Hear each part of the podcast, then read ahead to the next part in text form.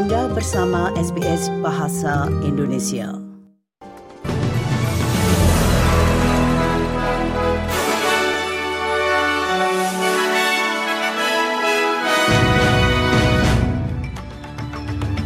Warta berita SBS Audio untuk hari Senin tanggal 25 September.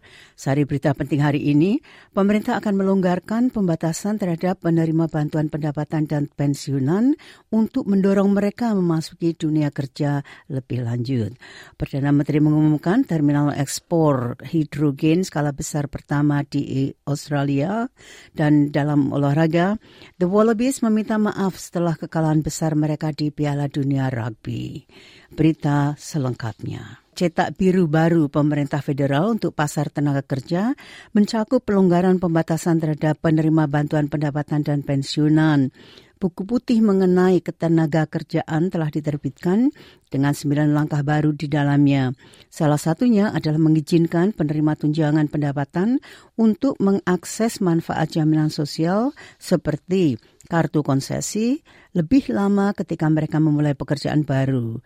Bendahara Jim Chalmers menjelaskan. This is about providing uh, older Australian workers the choice.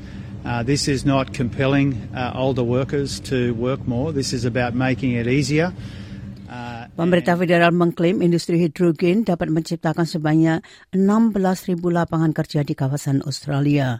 Perdana Menteri Anthony Albanese telah mengumumkan terminal ekspor hidrogen skala besar pertama Australia akan didirikan di Australia Selatan.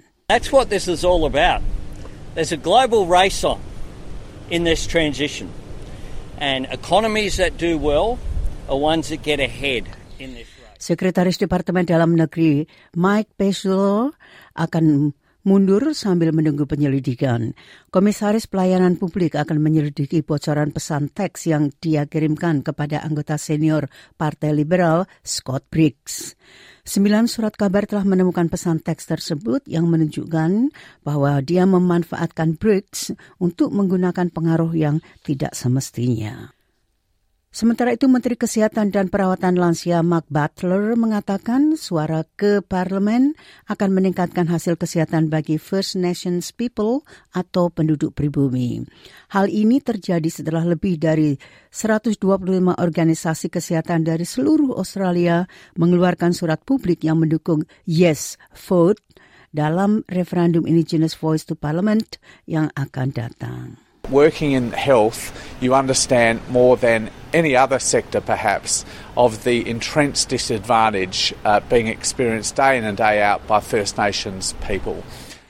Survei online terhadap 1.239 pemilih antara tanggal 18 sampai 22 September menemukan hanya 36 persen yang berminat memilih ya pada tanggal 14 Oktober.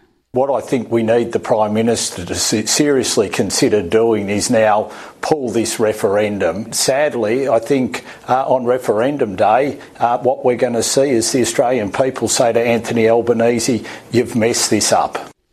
Anggota Parlemen Partai Buruh Mari Watt mengatakan hal ini berarti kehilangan kesempatan penting untuk mendengarkan pendapat orang-orang First Nations atau pribumi dan membuat perubahan positif.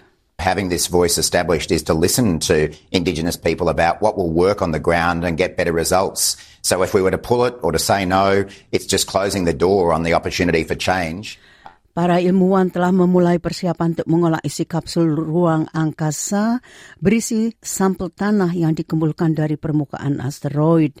NASA mengkonfirmasi kapsul tersebut kembali memasuki atmosfer bumi pada tanggal 24 September dan mendarat dengan selamat di gurun barat di Utah.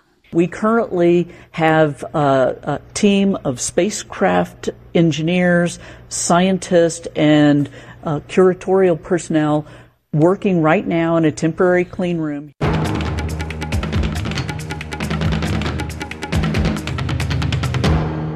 Pelatih Wallabies Eddie Jones telah meminta maaf kepada pendukungnya setelah tim Australia menderita kekalahan memalukan 40 banding 6 dari Prancis di Piala Dunia Rugby. Tim Australia membutuhkan kemenangan di Lyon atas rival mereka yang tidak terkalahkan di pool yaitu pada hari Senin ini karena kecuali ada keajaiban yang mengharuskan Fiji kalah di kedua pertandingan tersisa tanpa poin bonus, mereka akan tersingkir. We're all gutted, mate. Um, yeah, apologise to all the supporters here, everyone back at home. We needed to be far more consistency, and that's you know that's the the theme of this World Cup campaign, which I apologise for. I'm the person given the responsibility to to coach the team, and I haven't done it well enough, and you know I, I really apologise to everyone back home.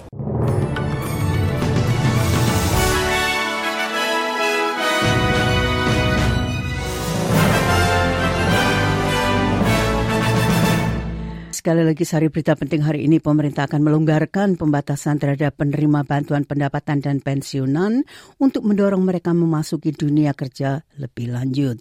Perdana Menteri mengumumkan terminal ekspor hidrogen skala besar pertama di Australia dan dalam olahraga The Wallabies meminta maaf setelah kekalahan besar mereka di Piala Dunia Rugby.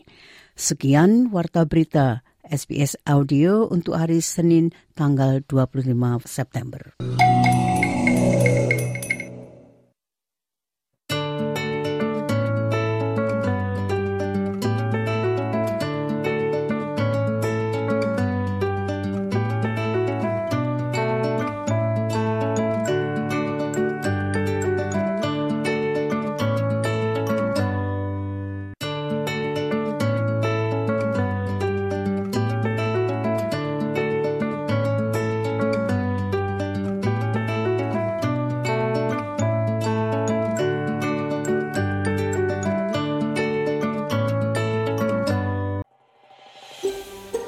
Anda ingin mendengar cerita-cerita seperti ini?